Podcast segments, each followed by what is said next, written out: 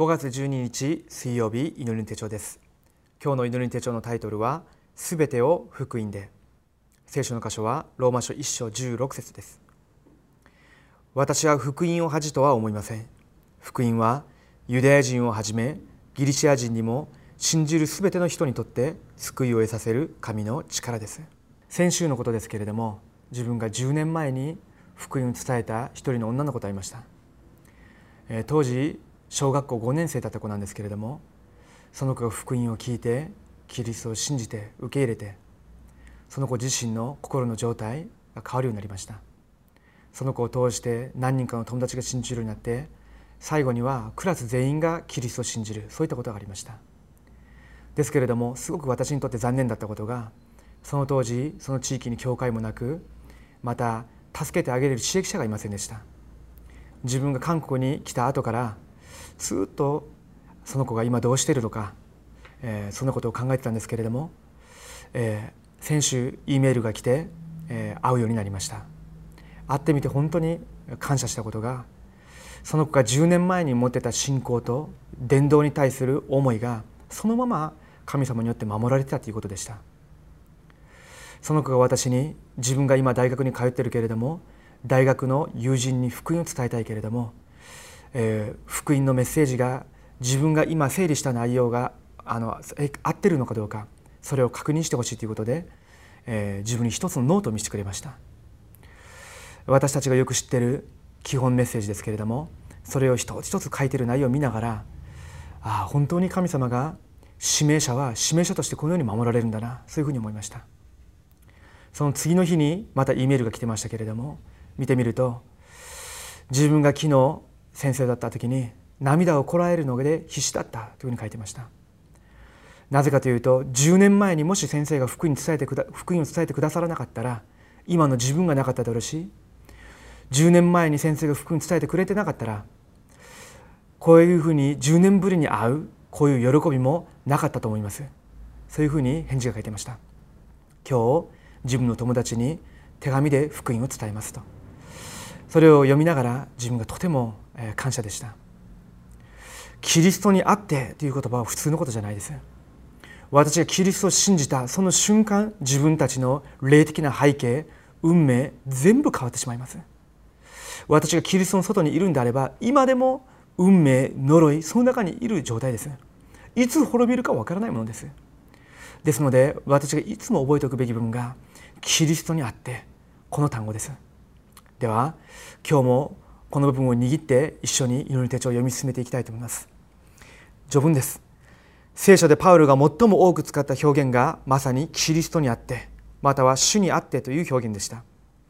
私がキリストの中にいなければ必ず個人の問題教会の問題経済の問題が起きます。未信者たちは言うまでもなく誰もがある日急に深刻な問題に遭います。信徒も未信者も関係なくひどい霊的な問題に遭うようになります。サタンは今も人間を惑わして攻撃するためキリストの中にいることが最も安全です。それならば初代教会が回復した伝道運動の革新は何でしょうか？では一つ目です。問題を見る目。私たちは全てを福音で見なければなりません。特に問題が生じた時はそうです。私たちの目の前に見える問題は急にできたものではなくとても古くからのものです。個人と家庭の問題はとても古いものであるため胸の奥からあふれる配慮が必要です。これは単純に譲ることや許すことではなく魂を心から抱く愛です。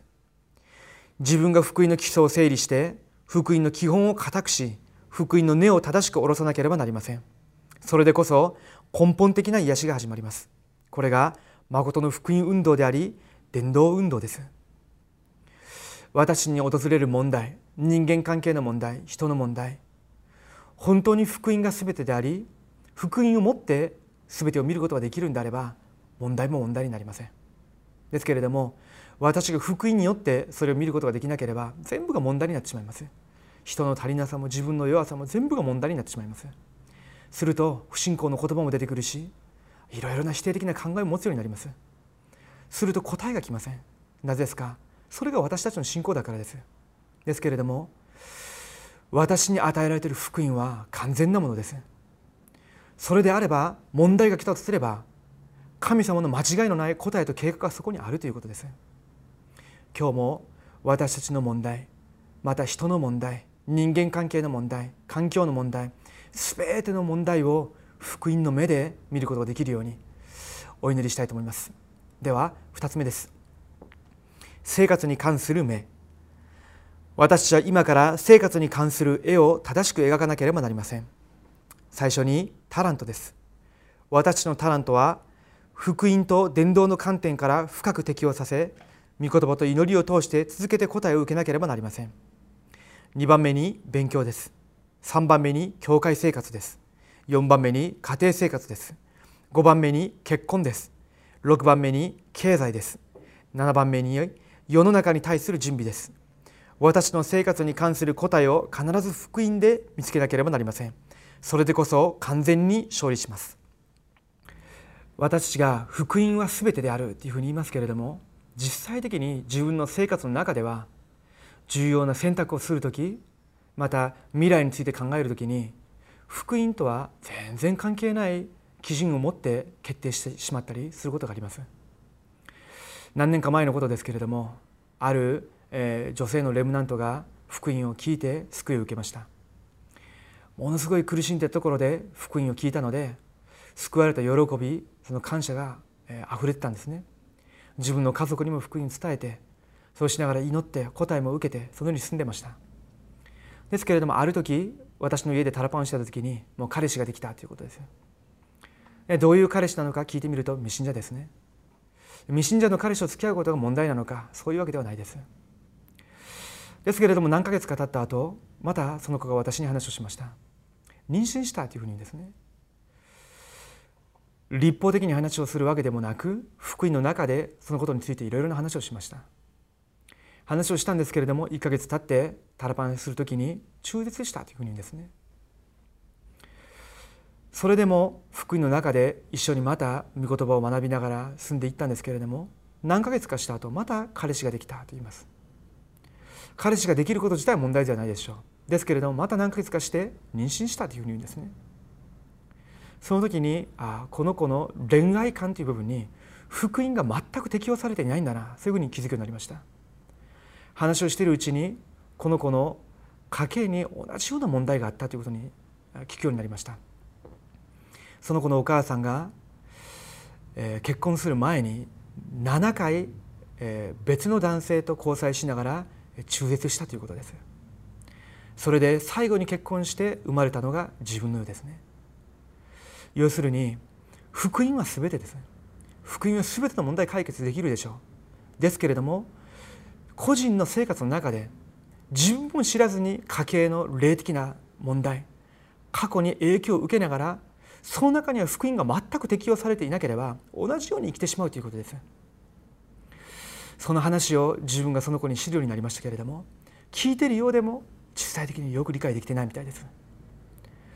ですので福音によって救いは完全に受けました。受けたんですけれども同じ苦しみに継続して会うわけです。私のレルマンたちにただ福音もちろん福音でしょう。ですけれどもその福音が生活の全ての分野に至るまで過去の全ての傷経験に至るまで適用されなければ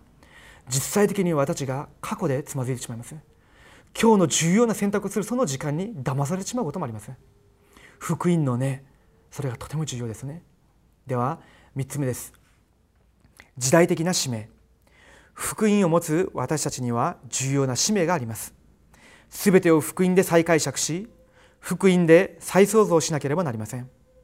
私たちがするすべてのことも福音で最適をして他の人を生かさなければなりません。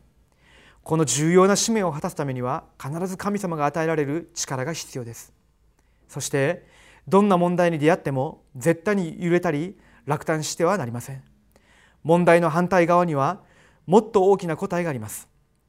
そして私の前に広がる未来の答えを見渡しながら具体的に準備しなければなりません。